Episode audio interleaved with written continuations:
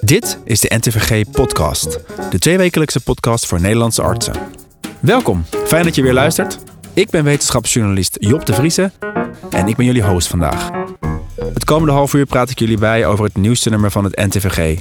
In deze aflevering staan we stil bij verschillende uitdagingen en risico's voor artsen die zich roeren in de media. Vroeger was de maatschappij er nog wat meer op ingericht dat de arts ook de expert was. En wat hij vertelde kon je voor waar aannemen. En gaandeweg is dat natuurlijk zeker door de komst van sociale media toch wat veranderd. Duiden artsen in opleiding Tim en Ernst-Jan het belangrijkste mondiale nieuws. Met deze week een mooie trial van Nederlandse bodem over het herstel van reukvermogen na COVID-19. En bespreken we met arts en voormalig denker des vaderlands Daan Rovers de rol van artsen in de mediacratie. Er zijn eigenlijk volgens mij verschillende manieren waarop artsen sinds een aantal jaren in de media zijn die eigenlijk heel waardevol zijn.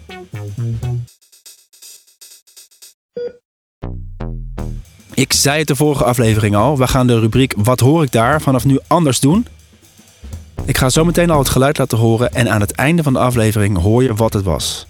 Daar komt hij.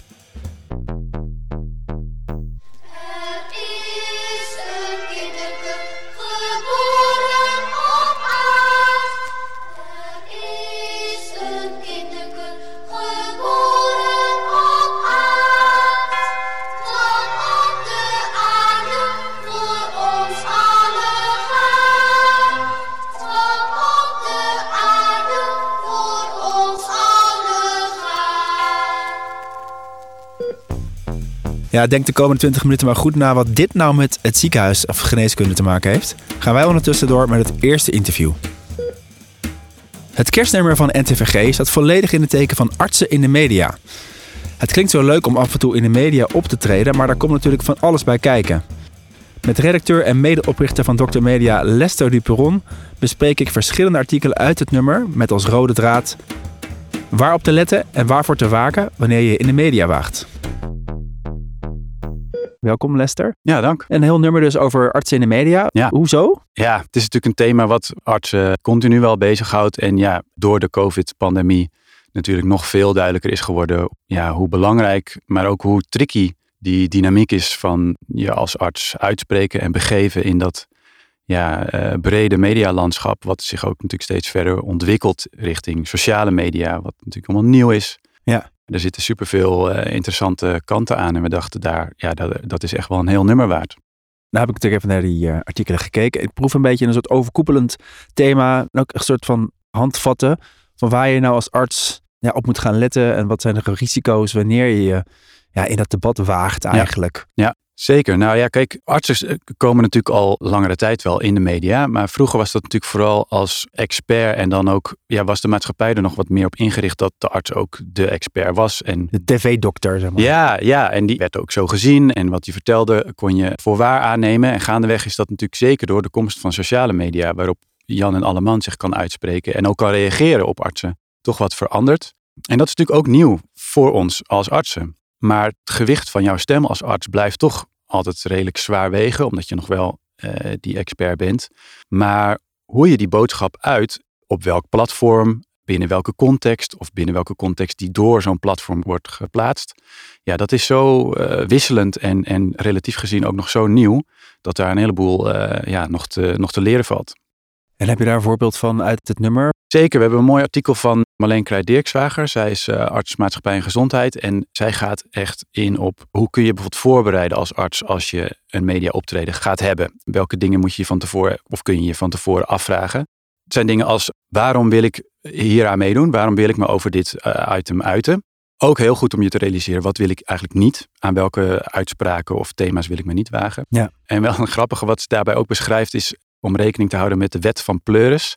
En daarbij heeft ze het over realiseer je van tevoren welke dynamiek je hier gaat waarnemen of die zich uh, afspeelt rond dit onderwerp. En dat gaat dan over, is dit, hetgeen waar het over gaat verwijtbaar? Zou er een schuldige aan te wijzen kunnen zijn? Wat is de relevantie hiervan? Dus verwijtbaarheid keer relevantie en dan keer de mediageniekheid van het onderwerp Ja, ja. tot de macht 3. Product daarvan, dat is dan de, de hoeveelheid pleuris die er kan uitbreken over zo'n onderwerp. Ja, ja. En dat kan ook dan soms een reden zijn om iets niet te doen of op het... Om het nog voorzichtiger uh, aan te pakken of je nog beter voor te bereiden. Of misschien om te zeggen van dit is, ligt misschien eigenlijk wel net buiten mijn scope. Ik, ik ga dit niet doen. Ja, ja. Dat je in ieder geval weet dat je, dat je niet achteraf kunt zeggen, oh, dit hadden we niet zien aankomen. Ja. Exact. Nou, het had ook een stuk over de, de kritische artsen. Hè? Dat is ook een, een nieuw fenomeen. Eerst was het inderdaad wat je net Ja. zegt, de neutrale arts. Ja. Dat was misschien een illusie. Inmiddels begon ook een heel kamp te ontstaan van artsen die zichzelf de kritische artsen noemden. Ja. Maar dus eigenlijk tegen de artsen zou je ook kunnen zeggen. Ja. Dat is de analyse van onze nieuwsredacteur Lara Harmans. En dat gaat inderdaad over waar ligt nou een beetje de grens wat je kunt en mag zeggen als arts. En ook een beetje wie bepaalt dat. Dat is natuurlijk niet heel zwart-wit. En dat hangt ook heel erg af van wat voor plek je die uit en vanuit welke achtergrond. En natuurlijk zeker coronatijd heeft dat natuurlijk weer heel erg duidelijk gemaakt. Zeker toen er artsen kwamen die zich wat kritischer gingen uitlaten over de coronamaatregelen, over vaccinatie, et cetera. Ja, en dat is natuurlijk een heel spannend en tricky veld. Hè? Tot waar eh, gaat je recht op eh, vrijheid van meningsuiting? Wanneer ben je dat als persoon en wanneer zeg je dat als arts? Wat zegt bijvoorbeeld jouw ziekenhuis of jouw instelling van hoe jij je uit? Mhm. Mag dat omdat jij een persoon bent? Of zeggen zij, ja, dat vinden we eigenlijk niet oké, want jij bent eh, werknemer in ons ziekenhuis. Ja, daar zitten allerlei lagen en niveaus in die super spannend zijn. Ja. Ook aan de andere kant, hè, de sociale media zijn op een gegeven moment natuurlijk ook berichtjes gaan terugtrekken. eh, accounts gaan blokken, censureren. Ja. ja, het is ook natuurlijk de vraag op basis waarvan doen ze dat? Mag dat wel? Kan dat wel? Ja, het Ja. is natuurlijk super spannend. En wat zijn nou, wat jou betreft, de beste afwegingen die je als arts kunt maken als je nog niet veel in de media bent geweest en denkt, nou, ik word ergens voor gevraagd. Ik denk heel belangrijk is dat je dat doet vanuit je deskundigheid. De nieuwe KNMG-gedragscode die roept op zich wel artsen op om zich te mengen in maatschappelijk debat. Maar wel ook om te blijven bij je expertise. Dus als jij specialist bent in vakgebied A, dan moet je je niet te veel gaan uitlaten over een heel ander vakgebied. Ja. Je kunt natuurlijk ook tips en tricks vragen aan collega's. Daarvan staan er ook meerdere in dit themanummer. We hebben eh, een stuk of acht interviews met artsen die regelmatig om bepaalde redenen in de media zijn geweest. En die delen ook hun tips en tricks. Dus zeker ook lezenswaardig. En eh, veel instellingen hebben natuurlijk ook een communicatieafdeling die je ook wel kan helpen. Die kunnen zeker helpen met voorbereiding op media optreden. Als je een keer op de radio of tv moet komen en je hebt dat nog nooit gedaan, kun je zeker bij ze langs gaan. Dus er zijn verschillende manieren, denk ik, om je op voor te bereiden. En is het wat jou betreft een soort van maatschappelijke verantwoordelijkheid om op dat soort verzoeken in te gaan? Of is het meer iets facultatiefs? Nou, voor ons als beroepsgroep vind ik het zeker belangrijk. Ik vind niet dat je het van ieder individu kunt verwachten en verlangen. Als je daar niet fijn bij voelt, moet je dat zeker niet doen. Het is beter om het dan niet te doen dan om het wel te doen en dat het per ongeluk fout gaat. Eh, maar het is wel super belangrijk dat wij ons als artsen nog meer in dat maatschappelijke debat gaan mengen. Maar ja, daarbij moet je dus heel goed realiseren welke dynamieken daar spelen. En ja, een van de artikelen in het themanummer gaat bijvoorbeeld ook over the medium is the message, zeg maar. Dus het is heel vaak niet zozeer meer de inhoud van wat je zegt, maar veel meer hoe die verpakt wordt en op welke plek en welke manier die gebracht wordt. Ehm, en dat is zo belangrijk om je van tevoren te realiseren als je je gaat uitspreken in de media, maar ook als je je gaat uitlaten op social media. Ja, de voordelen gaan gebruiken en de, en de valkuilen proberen te, te omzeilen. Ja, nou ja, goed, dit nummer gaat, geeft daar een hele hoop handvatten aan in elk geval. Zeker. Goed materiaal voor onder de kerstboom, zou ik zeggen. Absoluut. En dat, ik begrijp ook dat het ook voor mensen die niet een abonnement hebben ook te verkrijgen is, dit nummer. Hè? Zeker. Als het goed is gaat dit het eerste nummer worden wat we ook via onze eh, nieuwe webshop gaan verspreiden. Dus dit themanummer kun je dus los eh, kopen via de website. Nou, dankjewel voor dit gesprek. Graag gedaan. Genoeg aanleiding om dit hele nummer onder de kerstboom te gaan doornemen. Alle artikelen die we bespreken vind je in de show notes op onze website te vinden onder podcast. En reageren mag altijd via podcast.ntvg.nl. In de warme douche staan we stil bij al het moois in de medische wereld. Er zijn veel artsen die zich inzetten voor goede initiatieven en wij geven die graag aandacht. Met vandaag onder de douche Angeline Sieben, verpleegkundig directeur Radboud UMC Nijmegen. Zij is een van de verpleegkundig directeuren die per 1 oktober benoemd zijn door het Radboud UMC. Dat ziekenhuis wordt binnenkort niet meer per afdeling bestuurd, maar in 10 centra, elk gericht op een specifieke groep aandoeningen, zoals hart en vaten of hersenen en zintuigen. In al die centra vormen een arts, een bedrijfskundige en een verpleegkundige de directie. Welkom, Angeline. Ja, dit initiatief verdient echt de warme douche wat ons betreft. Kun je nog even uitleggen waarom heeft het Radboud UMC deze keuze gemaakt? Wat we zien is dat alleen maar medische interventies in deze vergrijzende eh, populatie, dat is niet langer houdbaar. En we willen ook eigenlijk Mhm. op meer domeinen de patiënt bezien. Ja. Dus ook de context veel meer meenemen. Ja, ja, is een bredere blik. Juist die bredere blik, waarbij ik denk Ja. dat het verpleegkundig domein juist zijn kracht vandaan haalt. Dat is de manier waarop we opgeleid worden. Dat is ook onze taak eh, altijd geweest. En door Ja. dit nou naast ook een medisch en een bedrijfskundig directeur te positioneren, komt dat ook eh, veel meer eh, ten goede van de patiënt. Nou is er ook natuurlijk een eh, enorm tekort aan verpleegkundigen, landelijk gezien. Hoopt het UMC nou op deze manier ook het vak van verpleegkundige aantrekkelijker te maken? Het is niet de reden, maar het zou een heel mooi bijeffect zijn. Als je als verpleegkundige ook ziet dat je veel meer invloed kunt uitoefenen. Niet alleen op de directe zorg, maar ook meer op eh, tactisch en strategisch niveau. Het is natuurlijk ook wel een beetje verandering in- in de hiërarchie. Hoe is er onder de collega's gereageerd op dit initiatief?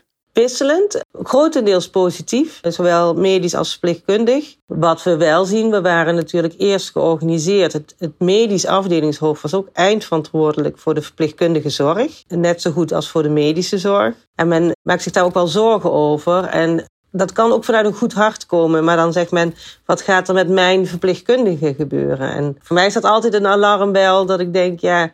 Het zijn niet jouw verpleegkundigen. Verpleegkundigen zijn van zichzelf en horen bij het verpleegkundig domein. Maar ik denk als we integraal samenwerken, laten we zien dat dat wel goed komt. En wat hoop je nou zelf te gaan bereiken als verpleegkundig directeur van het Centrum voor Geïntegreerde Zorg? Dat die context ook echt nog veel beter wordt meegenomen als een patiënt hier komt. En dat dat ook kan leiden tot de keuze bij de patiënt om niet te kiezen voor een medische interventie. Ehm, maar wellicht iets anders nodig heeft om zijn kwaliteit van leven te waarborgen. Dat hoop ik echt. Nou, heel erg bedankt. Ik vind het een heel mooie, hele mooie ontwikkeling eigenlijk. En veel succes met deze uitdagende functie. Dankjewel. En dan nu onze artsen in opleiding en vaste hosts van de House of Godcast, Tim Dekker en Ernst-Jan van het Woud. Zij spitten voor jou de mondiale onderzoekspublicaties door, scheiden het kaf van het koren en brengen je dit in beknopte vorm, het korte nieuws. Dankjewel Job. Daar zijn we weer. Eh, en Jean van het Woud tegenover mij eh, en ik, Tim Dekker, bespreken weer de meest interessante medische literatuur van het laatste uur. Met deze week een mooie trial van Nederlandse bodem over het herstel van reukvermogen na COVID-19. De opname van antibiotica bij een acute infectie. Maar we beginnen met het effect van morfine op dyspneu bij patiënten met COPD. Ja, het lijkt eh, alsof we elke week in deze rubriek een eh, artikel over morfine bespreken. Deze keer gaat het weer over een ehm, artikel waarin het nut van morfine ter discussie wordt gesteld. En het gaat dit keer om een ehm, trial van Ekstrom en collega's verschenen in JAMA. Het gaat erom dat meerdere richtlijnen eh, het chronisch voorschrijven van langwerkend morfine ondersteunen bij patiënten met een gevorderd COPD. En dit artikel onderzoekt het effect van die opiaten op chronische dyspneu bij mensen met een ernstig COPD. Het gaat om een dubbelblinde, placebo-gecontroleerde gerandomiseerde studie, waar inderdaad werd gekeken naar het effect van verschillende doses langwerkend morfine eh, op kortademigheid bij mensen met COPD. Het gaat hier om gevorderde COPD-patiënten met chronische dyspneu. Dus we hebben het hier niet over mensen die met acute dyspneu of acuut verslechterende dyspneu zijn opgenomen in het ziekenhuis. Uiteindelijk zijn er 160 mensen gerandomiseerd in deze studie in een van drie groepen, namelijk 8 milligram morfine per dag, 16 milligram morfine per dag of placebo. Ja, en ik vond dat ze wel een goede primaire uitkomstmaat hadden. Ze keken namelijk naar zelfgerapporteerde dyspneu. En dat deden ze op een schaal van 1 tot 10. En patiënten gaven dat aan eh, bij baseline en ook eh, na één week. Er waren geen statistisch significante verschillen tussen de groepen na één week. Dus met andere woorden, het lijkt er niet op dat het gebruik van langwerkende opiaten een gunstig effect heeft op COPD-patiënten met chronische dyspneu. Ik vond het ook goed dat er gekozen is voor deze uitkomstmaat. Dat is denk ik toch voor patiënten met COPD de meest relevante uitkomstmaat ook. Wat ik wel interessant was, eh, vond om te lezen, was de alle niet-medicamenteuze interventies die aan alle, alle deelnemers werd aangeboden. Er zat onder andere een, eh, een kleine handheld ventilator in als, eh, als interventie voor dyspneu. Ik kende dat eigenlijk, eh, eigenlijk niet. Wat ik ook leuk vond om te lezen is dat de hoeveelheid stappen die door patiënt werden gezet ook eh, als uitkomstmaat zijn gebruikt. Secundaire uitkomstmaat was dat. Dat werd met een, een Fitbit werd dat bepaald. Maar ook wat dat betreft en ook overigens ook alle andere secundaire uitkomstmaten bestond geen verschil tussen alle patiëntengroepen helaas. Dus nou ja, leuk onderzoek. Er lijkt dus geen plaats te zijn voor opiaten eh, voor de behandeling van chronische dyspneu bij patiënten met een gevorderd COPD. Kanttekening is misschien nog dat het relatief kleine groepen waren per, per groep, ongeveer 50 patiënten. Dus wellicht overschatten de auteurs bij de powerberekening eh, het effect eh, wat ze konden bewerkstelligen. Ze hebben het wel netjes uitgezocht en er lijkt dus bij de patiënt met chronische dyspneu geen plek te zijn voor opiaten. Dan gaan we door naar het volgende artikel. En dat is een hele mm, fraaie RCT van Nederlandse bodem, uitgevoerd en opgeschreven door Schepens en collega's. Gepubliceerd in de BMC Medicine van vorige maand. En het gaat hier om het reukvermogen bij patiënten die COVID-19 hebben doorgemaakt. Dat is natuurlijk een vrij karakteristiek symptoom hè, voor COVID-19. Ook iets waar veel mensen last van hebben of last van hebben gehad. Het enige wat we, daar, wat we daar nu eigenlijk aan kunnen doen is reuktraining. En wel de gedachte is dat het enig effect heeft. Maar waar we eigenlijk naar op zoek zijn is een effectieve medicamenteuze behandeling eh, daarvan.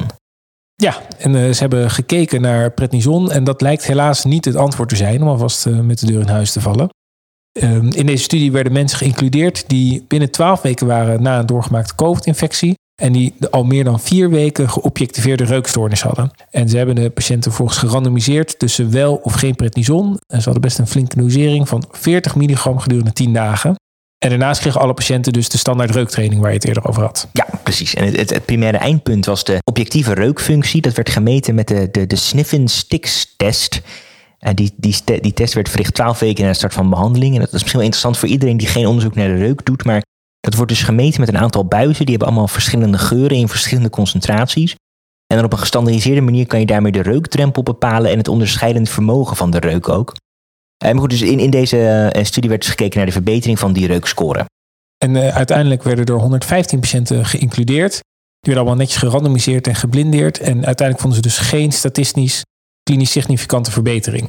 Met andere woorden, prednison leidt bij deze mensen niet tot een verbetering van de reukfunctie na een COVID-19-infectie. En dat gold ehm, voor die gestandardiseerde reuktest, maar ook voor andere secundaire uitkomsten, zoals de smaakfunctie of kwaliteit van leven. Ik ben het wel met je eens leuk geprobeerd, maar jammer dat er geen effect eh, is gekomen. Het is ook wel goed dat het gerandomiseerd is uitgezocht. Er zijn wat studies ehm, eh, geweest eerder die wel een effect suggereren van prednison op de reukfunctie, maar het waren geen gerandomiseerde studies. Wat de auteurs zelf ook wel opmerken is dat één tekortkoming van de studie wel is dat het misschien de, de timing van die prednisonbehandeling wat eh, daar misschien wel effect op heeft. De mediane tijdsduur na de acute infectie was bijna 60 dagen. Dus je kan je misschien wel voorstellen dat je in die fase eigenlijk weinig ontsteking meer hebt die je met prednison kunt remmen, dat je met name dan zit met restschade. Dus misschien dat de timing van de studie ook wel invloed heeft gehad op de resultaten, maar dat is nu eigenlijk moeilijk te zeggen. Ja, en een eh, laatste punt is dat, eh, dat is wel vaker lastig met de COVID-onderzoek. Dokters merken dat eh, met name mensen met de Delta-variant waren geïncludeerd. Terwijl we nu natuurlijk met name te maken hebben met Omicron. Dus de is hoe reproduceerbaar het is voor patiënten met Omicron. Waarbij overigens wel bij Omicron minder reukverlies wordt gemeld. Maar goed, alles samenvattend denk ik netjes uitgezocht. eh, leuke studie. Maar helaas geen effect van prednison op het reukverlies na COVID-infectie. Ja, en dan bespreken we als laatst nog kort een eh, Nederlandse studie van Van den Broek en collega's uit het AUMC. En dat werd gepubliceerd in de Journal of Antimicrobial Chemotherapy. En een onderwerp van het onderzoek waren patiënten met een matig ernstige infectie, waardoor gaans in het ziekenhuis begonnen wordt met intraveneuze behandeling met antibiotica, om daarna over te gaan op orale therapie. Eh, maar de onderzoekers keken, ja, is dat eigenlijk wel nodig? Want in dit onderzoek keken of er farmacologische aanwijzingen zijn dat orale antibiotica eh, minder goed worden opgenomen in de acute fase van een infectie. En wat deze studie uiteindelijk liet zien is dat voor patiënten die worden opgenomen met een matig ernstige infectie, de opname van ciprofloxacine en amoxicilline even goed is tijdens de acute fase van de infectie als later in het beloop. Met andere woorden, op basis van deze data lijkt er geen reden te zijn om vanwege mogelijk verminderde gastrointestinale opname terughoudend te zijn om mensen met koorts te behandelen met orale toediening van deze twee antibiotica. Ik vond het wel een leuk onderzoek, want het eh, lijkt een goede opmaat om eh, mensen met een uh, infectie toch al wat eerder in het beloop, of misschien wel vanaf het begin oraal uh, te behandelen. Wat wellicht scheelt in de opnameduur. En dat is denk ik gunstig, zowel voor patiënt als, als voor de zorg. Dus mooie studie. Ja, helemaal, helemaal mee eens. En dat was het dan voor deze week. al deze artikelen en meer verschijnen binnenkort ook in het tijdschrift en ook op de website van het, van het NTVG. En wij zien jullie volgende keer weer. Tot ziens. Bedankt mannen. Uh, we horen over twee weken weer van jullie. En dan door naar iets luchtigers. Tijd voor het verlossende antwoord op de vraag: wat hoor ik daar? De liedjes die aan het begin van de show hoorden, die zijn ingezonden door niemand minder dan onze eigen hoofdredacteur Marcel Olderickert. Marcel, welkom in de uitzending. Wat hebben wij gehoord? Want ik dacht niet meteen aan het ziekenhuis toen ik het hoorde. Nee, heel speciaal. Hè? Dat is een complexe muzikale hallucinatie. Dit is een kerstliedje wat iemand hoort. Alleen het vervelende is dat die persoon dit continu blijft horen en er maar niet van afkomt. Dat komt uh, eigenlijk meer voor dan we denken. Er is een redelijk aantal procenten van de mensen met gehoorsbeperkingen die continu complexe geluiden en ook muziekjes en liedjes hoort. En uit onderzoek blijkt dan dat er een paar favoriete liedjes het meest voorkomen. Onder andere kerstliedjes, Sinterklaasliedjes, of kerkliedjes. En waar hangt het dan mee samen met bepaalde andere auditieve klachten? Het is te vergelijken met wat meer dokters al kennen, de Charles Bonnet van mensen die slecht zien. Die krijgen ook soms visuele hallucinaties. Dus die zien bijvoorbeeld schoorsteenfekers voor het raam langslopen. En zo krijg je hierbij slecht gehoor. En ook nog bij mensen die soms wat vergeetachtig zijn geworden of die eenzaamheid hebben. Daar ontstaan deze auditieve hallucinaties. En zijn er ook nog manieren om het weg te krijgen? Het eerste is belangrijk dat als je het hoort, dat je toch onderscheid maakt van is dit een auditieve hallucinatie of is het toch iets anders? Bijvoorbeeld Oliver Sacks, die heeft daar ook over geschreven. Je hebt ook oorwormen. En bijvoorbeeld de vijfde van Beethoven. Pa, pa, pa, pa. Dat is een oorworm, die hoor je niet echt. Dat zit in je hoofd. Dit hoor je echt. En dan kan het nog soms te maken hebben met epilepsie of met een andere psychiatrische ziekte. Dat is anders. Als het geen echte oorzaak heeft, dan moet je mensen vooral heel erg geruststellen. Echt wegnemen lukt maar heel moeizaam. Het beste wat je kunt doen is de gehoorsbeperking proberen te verminderen met een gehoorapparaat. Medicatie, antipsychotica moet je in ieder geval niet geven. Dat, dat helpt niet, krijgen mensen alleen bijwerkingen van. Fascinerend gegeven dit. Veel dank. En eh, nou ja, tot een volgende keer maar weer. Graag gedaan. Heb je nou zelf een eigen geluid in te brengen, dan horen we dat graag. Mail je fragment naar podcast.ntvg.nl en wie weet zit het binnenkort in de show. Toen Daan Rovers eind jaren 90 in Nijmegen geneeskunde studeerde, miste ze iets. En tijdens een bijvak over filosofie begreep ze dat dat het misschien wel was. Ze ronde uiteindelijk beide opleidingen af en ging aan de slag als filosoof. Maar die andere professie die liet ze nooit helemaal los. Als denker des vaderlands dook ze tussen 2019 en 2021 regelmatig op in de media. En met haar bespreek ik wat de rol en verantwoordelijkheid is van artsen in het maatschappelijk debat. Ja, welkom, Daan Rovers. Ja, we gaan het hebben over de rol van de arts, artsen in de media, maar eigenlijk ook iets breder in de maatschappij. Nou ben je denker des vaderlands geweest, twee jaar lang, van 2019 2021. Ja. Eén jaar tijdens COVID, één jaar daarvoor. Ja. Wat is je daarin opgevallen eh, wat betreft artsen in de media en ook misschien ook andere functies die ze vervuld hebben in die media? Die eh, was wel heel interessant. Die verschoof ook wel een beetje. Dus eh, eigenlijk halverwege mijn periode kwam corona ineens opzetten. En nou ja, veranderde de hele wereld natuurlijk. Maar veranderde ook de mensen die optraden in de media. Virologen, beddenbazen, Diederik Gommers als medisch specialisten. En eh, daar werden we natuurlijk de hele tijd door bijgepraat. En dat gaf wel een bijzondere blik op, laten we zeggen, de rol van de expert in de, in de media. Wat nemen we daarvan aan? Wat vertelt hij? Hoe vertelt hij dat? In het begin werden ze allemaal heel erg omarmd. En op een gegeven moment werden ze ook wel verguisd. Misschien omdat we genoeg hadden van die crisis, hadden we ook genoeg van die mensen. Het eerste wat opviel is natuurlijk dat we heel erg afhankelijk werden van die mensen en van de informatie van die mensen. Dus eh, wij gewone mensen zonder medische kennis, zal ik maar zeggen, zaten dan te kijken naar enerzijds de persconferenties van de politici en anderzijds de berichten van de deskundigen over wat mag wel, wat mag niet, wat is gevaarlijk, wat kunnen we verwachten, hoe moeten we omgaan met mensen die dan die ziekte hebben. Dus dat gaf zo'n uh, afhankelijkheid van bepaalde mensen die echt ehm, natuurlijk onprettig aanvoelde. En ik denk ook wel voor een deel de verklaring is dat er zoveel weerstand tegen gekomen is. Anderzijds viel me ook op dat uh, heel veel van die artsen waren natuurlijk helemaal niet gewend om met hun hoofd op televisie te komen. En, en sommigen uh, beviel dat heel goed of deden dat heel goed. Mij beviel bijvoorbeeld op dat zo iemand als Diederik Gommers, die was een hele empathische man eigenlijk. Mm. Dat was best wel een verademing om zo iemand een tijdje op televisie te hebben die zo, zoveel geduld had en zo goed kon luisteren en nooit boos werd. Mij viel wel op, misschien werden ze daar ook op gescreend, maar uh, misschien nog kenmerkender, het uh, niet veroordelende.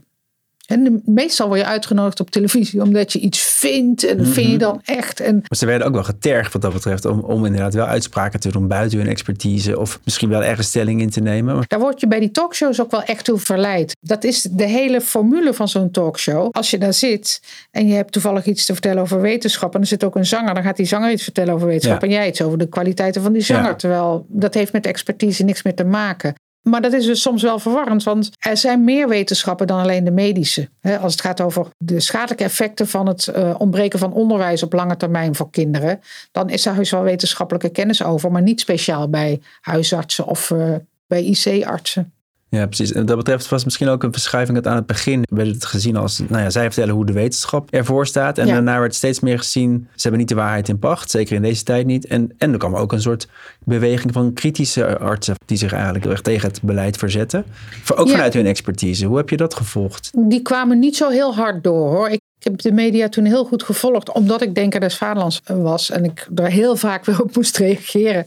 Er was weinig behoefte aan oneenigheid over de kennis die er was. Er was niet zoveel kennis over corona en wat er was, dat werd dan maar gebracht. En die kennis betwijfelen of bediscussiëren, daar was niet zoveel behoefte aan op dat moment. Daar kan ik me op zichzelf iets bij voorstellen in een crisis.